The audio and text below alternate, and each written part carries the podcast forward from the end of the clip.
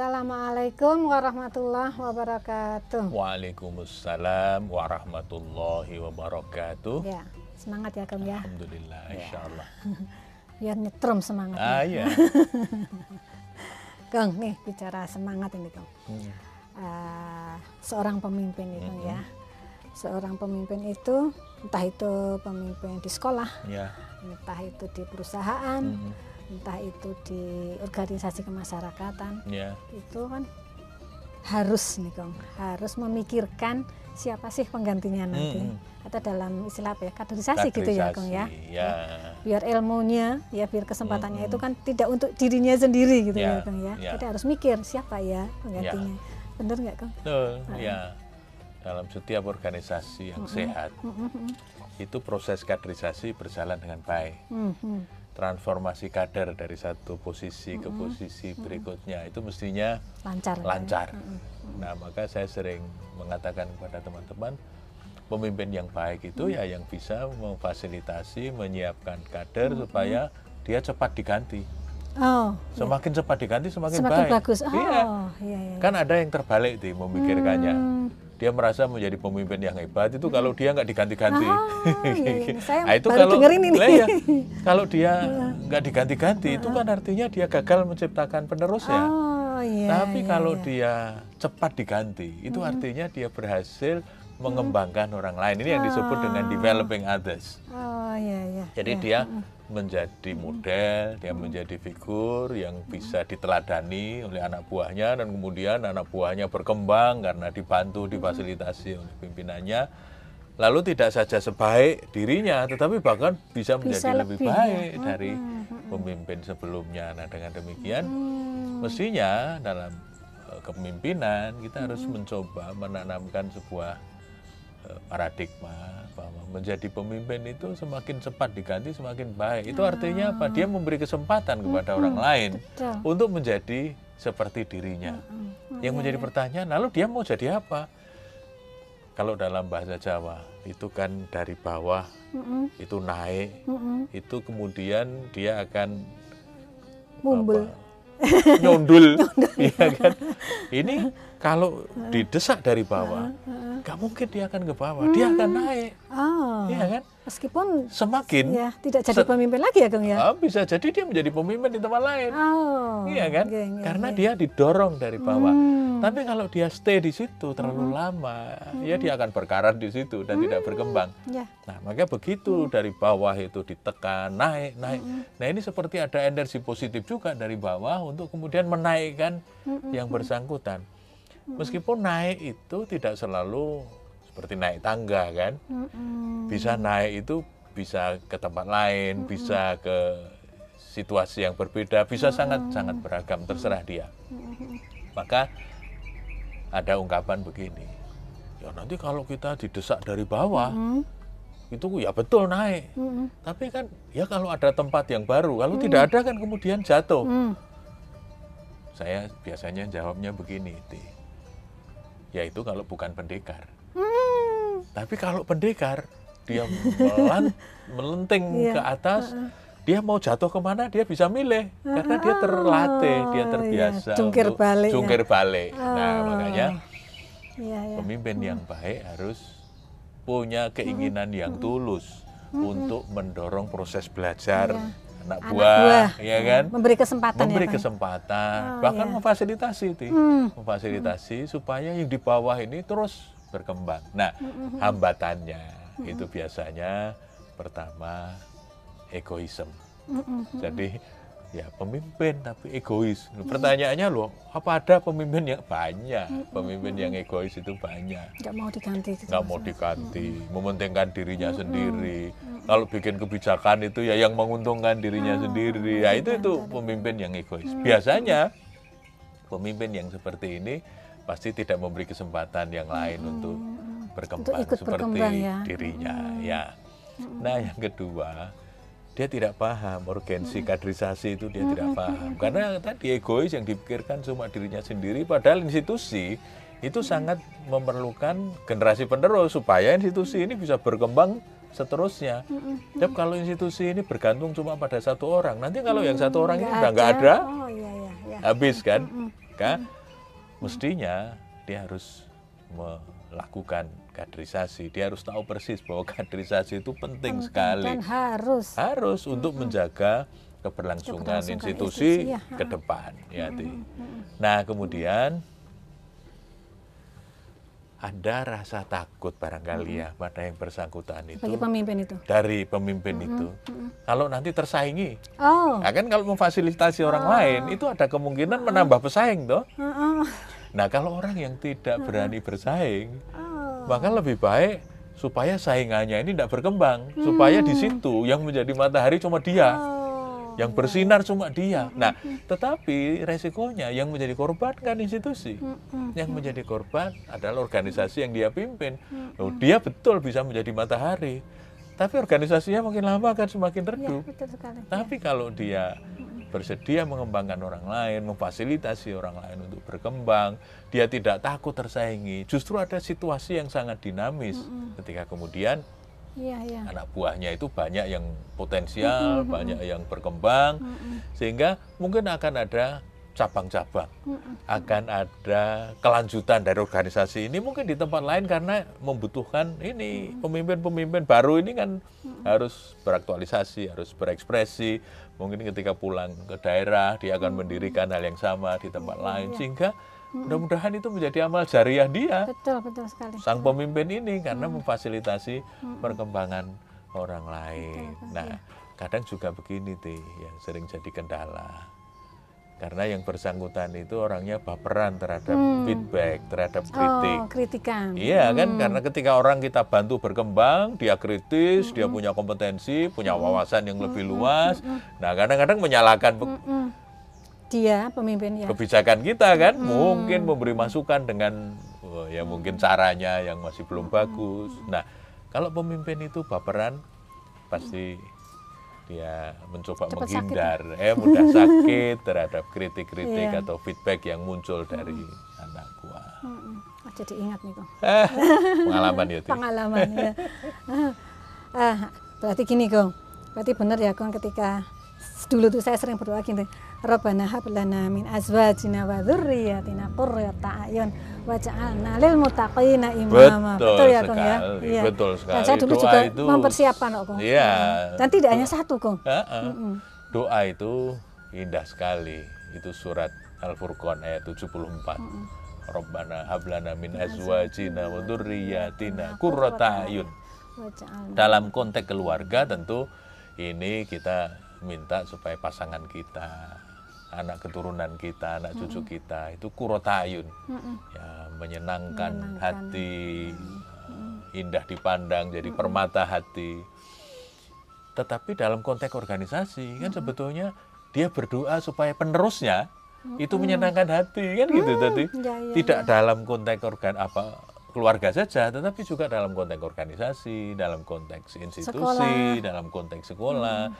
Mudah-mudahan teman sekerja saya, azwaj kan tidak sekedar suami istri kan, bisa pasangan atau rekan sekerja, bisa penerusnya nanti. Wah, duriyah, betul, itu artinya memang anak turun.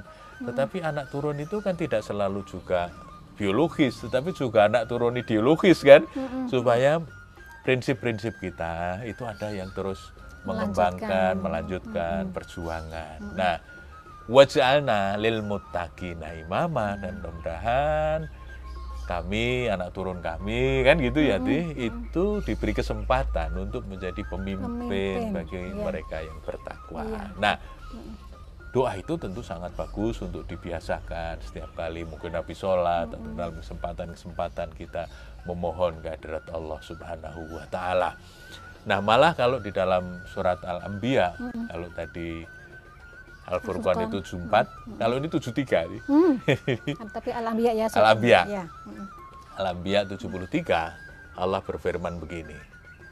Waja'alnahum a'immatan yahduna bi amrina wa hayna alaihim fi'lal khairat wa iqamas salah wa ita zakah wa kanu lana abidin. Itu Al-Anbiya 73. Ayat ini menarik sekali. Allah menegaskan bahwa kamilah yang menjadikan a'immah Aimah itu pemimpin. Dalam tafsir Jalalain diterangkan Aimah itu adalah pemimpin yang bisa menjadi teladan dalam kebaikan. Nah, berarti kan apa yang kita lakukan sebagai pemimpin, sebagai orang tua, sebagai kepala, sebagai direktur atau sebagai apa pun itu harus menjadi aimah, Teladan, harus menjadi teladan dalam kebaikan. Nah, karena di ayat itu dikatakan yahdu nabi amrina wahaina alaihim fi'lal khairat. Nah, Hmm. jadi kita ini sudah diberi petunjuk atas perintah Allah, kemudian dikasih wahyu fi'lal khairat untuk melakukan kebaikan. Nah, makanya tadi dalam tafsir Jalalain dikatakan pemimpin yang baik itu yang bisa menjadi model fi'lal khairat, Hmm. Hmm. melakukan kebaikan. Maka contoh kepemimpinannya harus contoh kepemimpinan yang memberdayakan, Hmm. yang modelnya adalah model yang baik. Nah di ayat itu dikatakan wa iqamas shalah wa ita zakah. Maka As-Sa'di dalam tafsirnya itu mengatakan sebetulnya iqamas shalah wa ita zakah itu sudah termasuk dalam fi'lal khairat. Hmm. Tetapi itu dipertegas untuk memberi penekanan pada dua hal. apa Kebaikan yang dilakukan itu. Satu, iqamas sholat, itu lebih mewakili hak-hak Allah, Ah, ah, ah. hablum minallah. Hmm. Lalu wa ita zakah itu mewakili hablum Hablum minan minannas. Satu vertikal, satu, Satu horizontal. horizontal. Hmm. Maka pemimpin yang baik itu harus menjadi model Ah, baik vertikal maupun horizontal. horizontal. Iya, Nah, iya. gitu deh. Iya. Itu yang Berarti spiritualitasnya juga oke. spiritualitasnya ya oke, tapi Kepemimpinannya juga kepemimpinan oke. secara sosial Iya. itu juga sangat baik. Jadi hak Allah dipenuhi, hak, manusia, manusia. juga sangat bagus. Nah, yakin saya kalau dua-duanya kuat, dia akan menjadi pemimpin yang otentik, ya. akan menjadi model, Iya. akan menjadi teladan yang meskipun dia sudah tidak ada. Maksudnya Tapi tidak ada pasti itu dikenang, meninggal. mungkin meninggal Ah, atau sudah tidak pindah lagi ya? di situ, pindah di Oh, tempat lain iya, iya. itu pasti akan tetap dikenang karena apa yang pernah dia Dilakukan, lakukan dengan keteladanannya baik, ya, keteladanannya bisa kebaikan. diikuti. Mm, mm, mm. Orang akan terus menyebut apa yang pernah dilakukan di masa lalu. Iya, iya, iya. Nah, gimana nih, Kong? Cara apa ya? Mengembangkan Ah, seorang kader ini ya. Hmm. Jadi eh, agar supaya gimana, Kong? Tidak hanya saya aja lah Hmm, yang supaya ada pinter, pel- yang penerusnya ya. ada penerusnya. Hmm, ya. hmm, kaderisasi. Ya, kaderisasi ya. Baik. Mm-mm. Ada banyak cara tentu ya kaderisasi baik dalam keluarga, di apa sekolah atau dalam institusi. Tapi yang paling penting saya kira di mana pun itu pertama harus kita bangun hubungan yang saling percaya dan saling menghormati. Ada respect satu sama lain antara pimpinan dan yang dipimpin. Hmm. Karena kalau tidak ada hubungan yang saling percaya, saling respect, itu kemudian proses imitasi itu tidak terjadi karena nggak percaya sama pemimpinnya Oh, ya, ya. kedekatan itu mungkin dalam bahasa yang sederhana bangun kedekatan antara pemimpin dan bawahan. Anak buah, ya. jadi anggap mereka seperti mitra yang juga kita hormati. Tidak kita perlakukan anak buah itu seperti pembantu. Karena kan ada ya pemimpin itu yang bosi gitu ya lagaknya seperti bos dan memperlakukan anak buah itu betul-betul sebagai pembantu. bawah. Hmm. Saya sering mendapatkan keluhan, bahkan yang berada di perusahaan-perusahaan besar, misalnya begini. Bosnya itu tidak bisa apa-apa, semua saya yang mengerjakan, tapi nanti yang dapat nama baik komandan itu bosnya. Nah, ya, ya itu namanya pemimpin yang tidak otentik, yang tidak bisa menjadi model, karena hubungannya itu hanya hubungan atas bawah, bawah. tidak hubungan yang saling percaya dan saling menghormati. Itu yang pertama. Nah, yang kedua, ya tentu sebagai orang yang lebih berpengalaman, yang pernah menduduki posisi di situ, dia beri pengala- pengarahan, Hmm. dia beri petunjuk, dia beri pengarahan dan contoh-contoh konkret. Jadi ketika memberi arahan itu, ya kasihlah contoh-contoh yang konkret supaya anak buah jelas melihat, oh ini yang harus saya lakukan kalau saya nanti menjadi pemimpin. Nah, yang ketiga kita beri dukungan, kita beri support, ya kita beri bahkan bantuan teknis nih. Misalnya Hmm. kalau anak buah ada kesempatan untuk studi lanjut, kita dukung. Anak buah ada kesempatan untuk workshop, ada kursus, kita dorong supaya apa? Modal dari anak buah ini makin lama makin lengkap sehingga pada saatnya nanti harus menggantikan kita itu sudah Ah, siap ya siap ya kita dukung. Nah, yang keempat kita biasakan untuk mendelegasikan otoritas, Ya, betul, mendelegasikan tugas. Jangan semuanya dikerjakan Iya, sendiri nggak nanti. mampu itu kok. Pertama tidak mampu, yang kedua tidak sehat, Hmm. tidak memberi pelajaran yang bagus bagi anak buah. Tapi kalau didelegasikan, pertama anak buah akan merasa dipercaya. Yang kedua anak buah merasa belajar untuk menjadi pemimpin. Ketika kemudian dalam banyak hal didelegasikan, nanti pada saat kita tidak ada, semuanya sudah bisa jalan betul, dengan iya. baik. Nah, yang kelima kita kasih challenge, kasih tantangan. Jadi misalnya organisasi ini sudah berkembang seperti ini, bisa nggak kita kembangkan lebih besar lagi? Apa usulmu? Mm-mm. Coba Iya, iya. kamu lakukan. Kasih kepercayaan Oh, dia iya, untuk iya. melakukan sesuatu yang baru. Kasih tantangan nih supaya naluri kepemimpinannya bisa berkembang. Kasih challenge, kasih Dan itu tantangan. senang loh, kok. Oh, senang dipercaya, Dipercaya untuk itu mengembangkan suka, misalnya ya. unit di tempat lain. Itu kan senang sekali.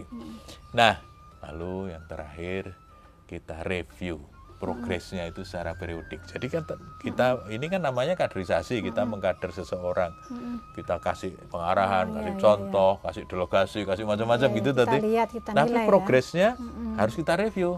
Wah, ini sudah sekian lama diberi kesempatan kok enggak jalan-jalan, enggak progres- berkembang dengan progres. baik, Kak. progresnya tidak kelihatan. Iya. Oh, berarti memang ini kapasitasnya terbatas. iya, Karena begini, Ti. Ada soal pengetahuan, ada soal keterampilan, tapi kan juga ada soal mentalitas. Nah, betul. mungkin kita lihat ini, oh ini problemnya pada mentalitas. Misalnya, ada orang yang punya keterampilan teknis bagus, tapi orangnya masih egois, ini mentalitas. Jadi misalnya ketika ada fasilitas, itu yang diperlukan bukan fasilitas itu untuk membesarkan organisasi, tapi bagaimana fasilitas itu dia nikmati Sendiri. lebih banyak. Iya, Nah, ini kan jadi oh ini jadi ada problem. loh. Ya, ada problem mentalitas. Nah, pemimpin yang begini ini tidak akan dikenang sebagai model yang harum. Karena itu pemirsa, pemimpin sejati terus menginspirasi. Meskipun sudah lama pergi, daya pikatnya tidak pernah mati. Assalamualaikum warahmatullahi wabarakatuh.